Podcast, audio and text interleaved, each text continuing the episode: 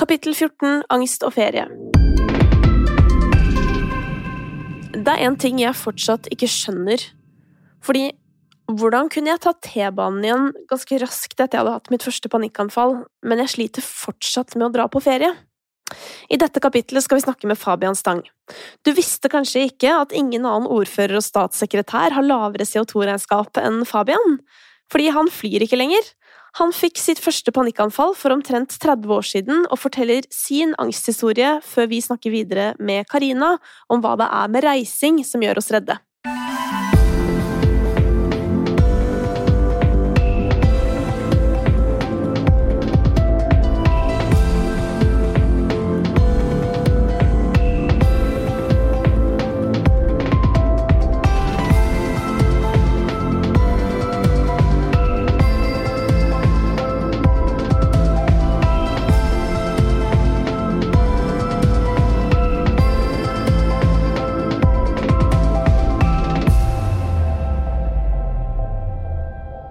Dagens gjest er Fabian Stang. Han er 62 år, tidligere ordfører, advokat og nå statssekretær for Norges innvandrings- og integreringsminister. Hjertelig velkommen hit, Fabian. Takk skal du ha.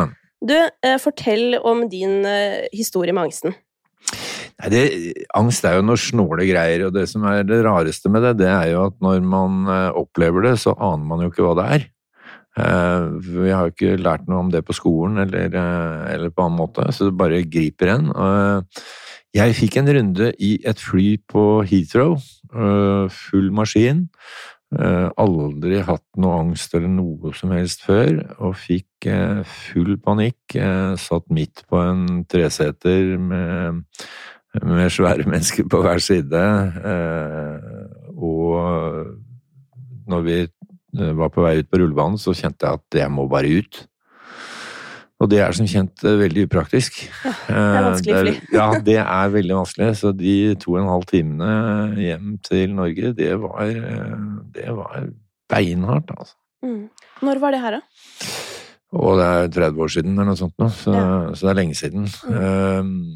Men da hadde vi jo ikke noe mobiltelefon hvor vi kunne søke opp hva det var, eller altså men så, så, visste jeg jo det at uh, hvis du detter av hesten, så må du komme deg oppå igjen fort. Mm. Så et par dager etterpå så tok jeg flyet over til uh, Bergen. Uh, for da tenkte jeg nå må jeg være de som bli kvitt det der tullet som skjedde. Mm. men det var ikke vellykket for min del, så, så jeg fikk full ny runde på, på flyet. og ja. Oh, jeg skjønner jeg får helt sånn får, Ja, det er nesten Man får jo nesten sånn gjenopplevelse, fordi man kan kjenne seg så igjen i det. Ja. Men ja, og det her er altså 30 år sia. Og som du sier sjøl, da var det jo ikke sånn at man visste hva det var. Nei, det var jo å sette i gang, da. Gå til fastlegen og ta blodprøver og jeg vet ikke hvor mange røntgenbilder og MR og GT, hadde jeg nær sagt. Det var som, som ble tilbakelagt. Mm. Eh, men så kom det jo igjen eh, på ulike arenaer. Eh, mye for min del mye i forbindelse med, med reiseforflytning. Mm. Så da, til slutt, da, så fikk jeg Så, så endte det for min del også en depresjon, så da skjønte jeg at nå må jeg Nå er det ikke Det er ikke kirurger jeg trenger, det er, det er noen som skjønner hva som foregår oppi huet. Mm. Er det en spesiell hendelse, en spesiell reise, som har på en måte utmerka seg ekstra for deg? Som har blitt litt sånn bilde på, på det her? Det, det, begynte jo da med, med fly, og så uh, fikk jeg det mye med bil også, dessverre. Jeg husker jeg dro aleine oppover, skulle opp i Gudbrandsdalen. og og på Mjøsbrua så fikk jeg helt hetta og måtte tilbake. Og det er ganske typisk, tror jeg, for på Mjøsbrua da er det akkurat like langt eh, rv. 4 eller, eh, eller E6-en. Eh, så fikk det mye på skitur også når vi var på det punktet som var lengst borte. Mm. Men om det da var to, etter to kilometer på en fire kilometers tur, eller etter to mil på en firemilstur, det, det Det var irrelevant? Ja. ja. Det var bare at når du var på ditt liksom lengst unna? Lengst unna, så, så slo det inn. Mm. Men når du da eh, er på Mjøsbrua, og det skjer, hvordan utarter det seg? Det tror jeg er ganske likt for mange med at eh, du, du får det anfallet, så, så begynner du å Får du hjertebank, tror du ikke får puste, skjelver, eh, svetter litt eh, Du får, får en, en voldsom fysisk reaksjon på et ikke-eksisterende problem. Så jeg pleier å si at det er, er det samme som om det reiser seg en bjørn på to bein rett foran deg. Da får du jo en reaksjon. Mm. Men det er jo den reaksjonen du skal ha. Ja, For en bjørn, er farlig, faktisk. Ja. Men eh, angstopplevelsen, da, så får du akkurat samme reaksjonen uten at det er noen grunn til det. Mm. Jeg husker veldig godt eh, da jeg Jeg skulle på en ferie, ganske Ikke kort, det var vel for så vidt Det var et halvt år etter jeg hadde fått mitt første panikkanfall. Eh, og jeg hadde planlagt den ferien før jeg hadde fått panikken, så alt var liksom i orden, og jeg hadde gledet meg masse. Jeg skulle til Provence i Sør-Frankrike, skulle spise all den gode franske maten som jeg elsker. Hadde liksom eh, researcha hoteller i ukevis og lagt opp en reiserute. Eh, fordi måten jeg har likt å feriere på tidligere, har vært å liksom dra til Italia eller Frankrike, og så ha liksom hotell i forskjellige byer, og kjøre fra liksom eh, småsted til småsted. Spise meg gjennom landet. Og det skulle vi også gjøre på denne ferien. Um, og jeg gikk og venta i det lengste, for jeg tenkte sånn, jeg, jeg ville på den ferien. Jeg skulle liksom klare å dra på den ferien. Men det som plagde meg mest med hele den greia, det var faktisk det med bilkjøringen. At det var bare jeg som hadde lappen på turen. Og jeg visste at liksom, hvis vi drar på den turen, så er det jeg som må kjøre den bilen. Og tanken for meg på at jeg skulle kjøre bil i en uke i Frankrike Altså, det hadde kunnet vært i Norge for den saks skyld, jeg tror ikke det hadde hatt noe å si. Det var så forferdelig. Det var ikke snakk om at jeg skulle kjøre den bilen. Så ble det ikke noe ferie. Og det er ikke første gang jeg har avlyst å kjøre bil, for å si det sånn. Karina Perlsen, Ja. du sitter og hører på oss. Mm. Er det noe galt? Er det noe galt med oss? Det er ingenting galt med dere. Ingen, ingen av dere. Eh, Det dere beskriver, er jo, eh, er jo en eh, fobisk angst for å være langt hjemmefra, eh, for offentlig transport, bil, buss, som ofte, også ofte kan vi- komme til uttrykk i, i møte med trange rom og åpne plasser. Og det, vi betegner det som agorafobi, og det kommer nesten alltid sammen med panikkangst. Mm. Eh, Og det handler, det kobler seg nettopp til steder. Så livet, det som skjer, er at livet blir, livsutfoldelsen blir veldig innsnevret. Og derfor, som du sa, eh, Fabian, du nevnte depresjon. Det- Veien til depresjon er ikke så lang nødvendigvis, også fordi at livet blir så innsnevret. Så det er en ganske naturlig reaksjon eh, på at man blir hemmet i stor grad av angsten. Mm. Det er helt ufarlig fortsatt, men det er en irrasjonell frykt. Jeg husker at jeg nemlig, da jeg fikk panikk, da tenkte jeg bare sånn Ok, jeg har det, men jeg er i hvert fall ikke deprimert, da. Og så var jeg skikkelig fornøyd og tenkte sånn her, jeg trodde at angst og depresjon var sånn alle fikk på likt. Mm. Men så merket jeg veldig fort hvor kort den veien var. Fordi med en gang man slutter å gå ut av døra, eller sånn, Mm. med en gang du stenger deg inne Jeg vet ikke, Det har jo du åpenbart kjent på, Fabian. Hva var det som fikk deg, hva var det som liksom vekka det i deg sånn, når, du skjønte sånn Nå må jeg gjøre, ta noe ordentlig tak? Du skjønner jo at uh, livet må, må videre når du ender under dyna og ikke, ikke eh, orker å gjøre jobben din, ikke orker, orker å ta vare på familien din og sånn, så skjønner du at du, du må gjøre et eller annet for å, for å komme ut av det. Mm. Um, og det er jo en vei som er eh, ja, noen, For noen går det greit og ganske raskt, og for andre så tar det ganske lang tid. Men eh, det fine med depresjon da, det er at det, det går over. Mm. Det gjør jo ikke alle andre sykdommer. Men det som er krevende syns jeg, med, med angst og depresjon, det er veldig vanskelig å forklare folk, Mm. altså. Da, blir du ganske misunnelig på han eller hun som kommer hinkende Mm. på krykker med, med gips etter å ha brukket beinet. Mm. Eh, For det er jo så eh, Det er sikkert vondt, eller jeg vet det er vondt, for jeg har brukket beinet mange ganger, men eh, det, det gjør jo ikke vondt så lenge. Det er både en naturlig forklaring, Ja. både for en selv og for omverdenen. Du får en medlidenhet, du bør ikke forklare noe som helst. Mm. Altså det er, beina er brukket, punktum. Mm. Eh, Men å forklare depresjon og angst, det, det er, det er jammen meg ikke lett. Og, og jeg, tror, jeg tror det er veldig viktig at vi som eh, har vært igjennom det, ikke forventer at legfolk skal forstå. Eh, Det er hyggelig hvis de viser forståelse Mm. over at du har det vondt, men å forstå hva det er som foregår, det tror jeg ikke vi kan forvente. Mm. Hvis noen hadde prøvd å fortelle meg hvordan det er å ha et panikkanfall, Mm. Aldri skjønt det. Aldri i verden skjønt det før det har skjedd. Mm.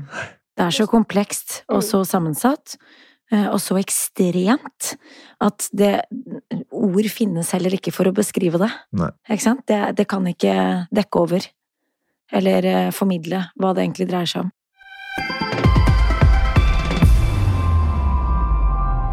Det er veldig mange mennesker som har sendt meldinger til meg og eh, kunne kjenne seg veldig igjen akkurat i det her med å dra på ferie, og at det opplevdes som vanskelig.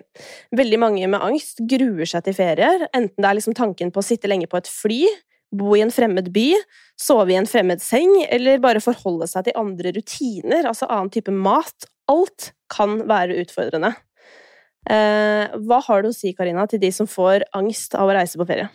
Det vil jeg si at er ganske naturlig. Eh, å gå rundt med angst, eh, det krever enormt mye beredskap. Det kan, dårlig sammenligning, med et på det likevel. Kjøre på motorveien i første eller andre gir. Du, du kjører på et ekstremt høyt turtall, bruker veldig mye drivstoff, eh, og, og, og når man har angst, så brukes størstedelen av kapasiteten til bare å eksistere i det, til å holde seg gående, og så skal man i tillegg da måtte ta stilling til nye ting, eh, nye steder, ny mat, finne frem, altså alt det å være langt borte hjemmefra, hvor hjemme ofte kan representere en trygghet, det er en merbelastning som, som veldig mange kjenner veldig sterkt på. Kan du kjenne deg igjen i det, Fabian? Jeg, jeg syns jo det eksempelet med at du, angst er som å kjøre i annet gir på, på motorveien, eh, med et voldsomt turtall, eh, høy støy, dårlig driftsøkonomi, og da skal det mye til at du i den situasjonen evner å si at her var det koselig, dere, det var en nydelig utsikt, Ja. og så deilig musikk vi har på stereoanlegget. Ja. Du klarer ikke det, vet du. Så du sitter bare der og durer av gårde Mm. med, med helt eh, gal bruk av kreftene. Mm. Mm. Men når vi snakker om det her med angst og reising, Mm. så er det jo lett å tenke på utfordringer som er knytta til store utenlandsturer og liksom viktige forretningsreiser, hvor det ligger et slags press i bunnen, enten om å gjøre det bra eller, eller å levere sånn på det sosiale plan. Men hva med de som for eksempel bare bor i Oslo eller Trondheim eller Bergen eller ja, gud veit, hvor som helst i Norge, og har familie en annen plass i landet, um, og som sliter med å bare dra dit? Altså kanskje kjøre til tanta si, liksom? Mm, Det behøver ikke å bety noe, det. Om det er utenlands eller langt, langt unna, eller om det er tett på, men det innebærer en transport. Det innebærer at man flytter seg fra sitt trygge utgangspunkt, da, som ofte er hjemme. Mm. Så det krever noe også. Og det var litt som Fabian sa i sted, at det, det hadde ikke så mye om, å gjøre med at om, om man hadde gått eh, to mil på ski, eller om det var eh, en halv mil, eller Men bare det når man visste at man var på det lengste hjemmefra, Mm. ikke sant? Mm. Det er det virksomme i det. Mm. Men det her med bilkjøring, det er jeg litt nysgjerrig på, for det har vært en skikkelig trigger for meg. Kjøre bil. eh, Jeg har vært redd for hva jeg liksom kan finne på å gjøre i bilen, på en måte. Eller sånn Altså, det, har kommet så mange rare tanker ut av den frykten for å kjøre bil, da. Mm. Det bilkjøringen representerer noe som trigger angsten. Mm. Mm. Bilkjøring i seg selv er en ganske nøytral greie. Eh, Det samme med buss eller fly, eller Men meningen du tillegger det. Ikke sant? Så noen kan da ha mer frykt eh, knyttet til bilkjøring enn en buss eller en ø, fly, eh, for eksempel. Men det handler om meningen du tillegger deg, den tolkningen. Mm. Og der tror jeg liksom ansvaret kommer inn, da. Ja. At man liksom har ansvar for at man skal komme fra A til Å, at man ikke skal treffe noen andre bilister, at de som sitter på skal være trygge. Mm. Ja. Og som du nevnte i sted, Kristine, at når du skulle på den, den reisen til Provence, at du var den eneste som, eh, som hadde lappen. Bare det å vite det, allerede der så ligger det et press Mm. på at det er du som må ha det ansvaret. Og hvis du ikke skulle klare å leve opp til det, hva da? Ikke sant? Allerede der så er du litt på, så er, så er du i ferd med å gire. Ja. Mm. Mildt sagt. Mm. Det er jo irriterende selv når man ikke har angst, tenker jeg, å måtte kjøre bil. Eller? Men én ting er jo eh, selve da denne fysiske forflytningen, men for mange så er det også det med selve rutinebruddet, at det er det som er vanskelig, at det blir kanskje en annen døgnrytme, eh, mye fritid, ikke noe sted å møte opp. Hvorfor er det så vanskelig å gå ut av rutinen? det er en del forskning også knyttet til eh, eh, mennesker som jobber skiftarbeid, for eksempel, og man ser jo at eh, at når rutinene ikke er på plass, så utgjør det en merbelastning også for psyken, for hvordan vi har det. Vi nærer ofte av en, en, eller annen form for forutsigbarhet eller trygghet, eller at vi vet noen ting, og det er klart at når det er mye nytt, det er forandringer både i kanskje i døgnrytme og i eh, i steder mennesker man skal forholde seg til. Eh, det tenker jeg er ganske naturlig at man reagerer på. Mm. Noen trenger mer forutsigbarhet enn andre. Eh, noen kan kanskje til og med nære på det, at det er, det er spennende med eh, alt det som er nytt og det som endrer seg. Vi er forskjellige, men de aller, aller fleste opplever det som en veldig stor belastning. Vi som bor og er oppvokst i Norge, eh, vi har så mange muligheter til å reise og utforske verden. Det er jo nesten sånn forventa at man skal ha vært på backpacking i eh, Asia og studert et semester i utlandet eller reist til en annen verdensdel. Mm. Eh, tror du det er en forventning som påvirker oss? Det tror jeg absolutt, og der er vi et individualistisk og prestasjonsorientert samfunn hvor vi har tilsynelatende alle muligheter, og hvis vi ikke lykkes, da er det vår egen feil. Det er vår egen skyld, fordi at vi har jo alle mulighetene. Blant disse mulighetene er nettopp muligheten for å oppdage verden, for å reise, for å utforske, for å virkelig eh, eh, benytte den anledningen. Mm. Og det kan for mange være et press eh, som ikke engang er lystbetont. For andre så kan det være veldig veldig spennende å representere en stor grad av takknemlig frihet. Mm. Eh, men absolutt, det kan legge et vanvittig press. Men hvis man har lyst til å se verden, da, men er livredd for å reise? Da tenker jeg at det er, at det er hjelp å få. Eh, å identifisere hva frykten, eller kanskje heller angsten, hvis man snakker om en irrasjonell frykt. Mm. Um, for jeg tenker at det er normalt at man er litt spent, eller at man syns det er litt At man tenker litt ekstra på, eller kjenner litt ekstra på at man skal reise langt, for eksempel, eller til et helt nytt sted, en ny kultur. Eh, men når det blir snakk om angst, så blir den frykten irrasjonell, og kanskje overtar og dominerer mm. over lysten. Mm. Som hindrer den nettopp i å utfolde seg fritt i livet, da. Og da kan man få hjelp til å legge til rette for, identifisere eh, hva angsten kommer av, og kanskje ta noen små, sikre skritt, eller kle seg godt på da, til å gjøre en sånn reise, og gå i tråd med det man ønsker seg i livet sitt. Mm. Fabian, har du hatt planer om å dra på en eller annen reise som du måtte avlyse? Ja da. Jeg, altså min, min, angst har jo lagt en betydelig begrensning, eller har vært en betydelig begrensning på min eh, reisevirksomhet.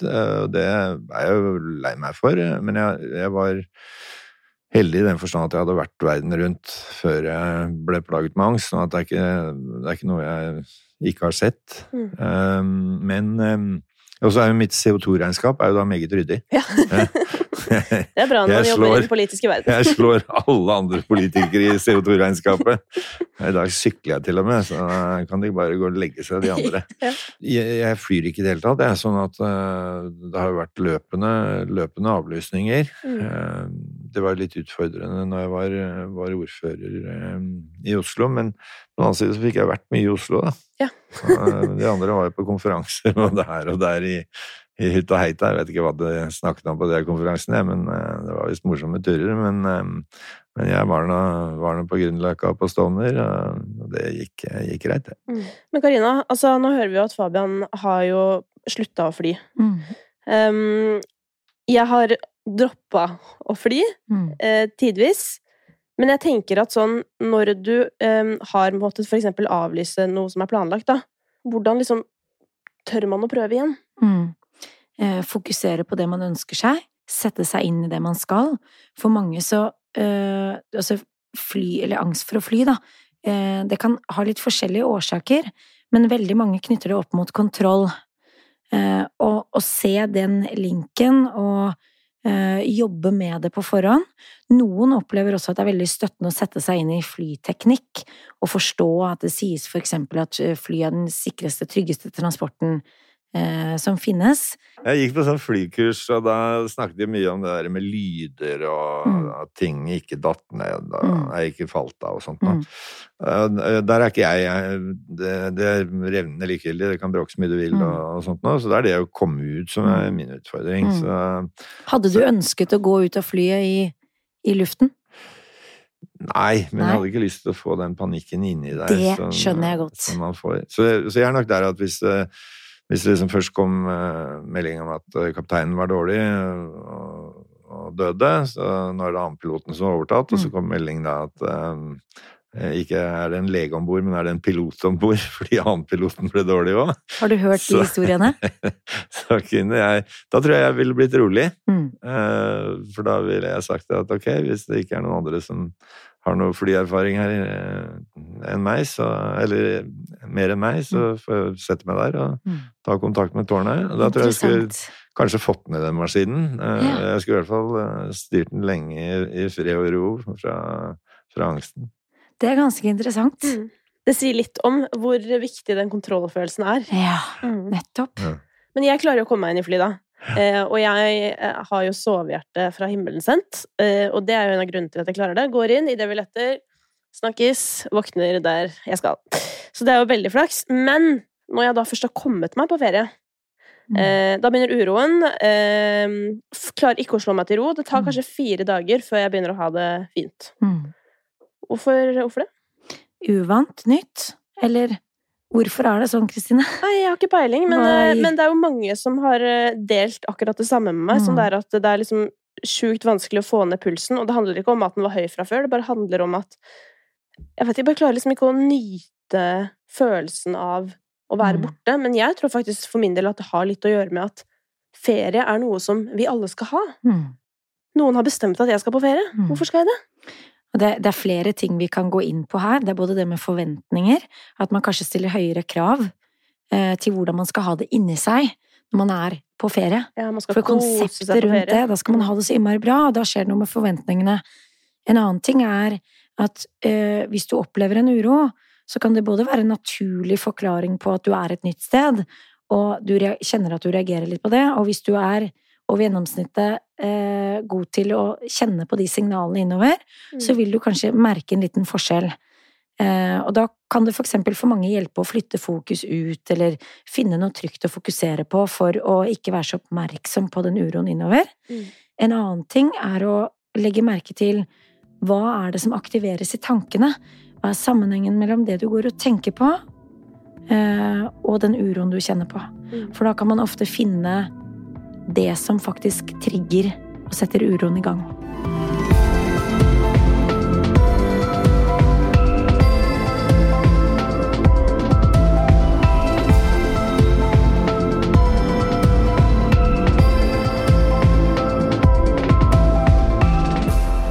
Tusen takk for at du har valgt å høre på podkastserien vår Noia. Og husk at hvis du lurer på mer, så kan du gå inn på noiapodkast.no. Til slutt må vi få lov til å takke Ekstrastiftelsen og Rådet for psykisk helse, som støtter dette prosjektet.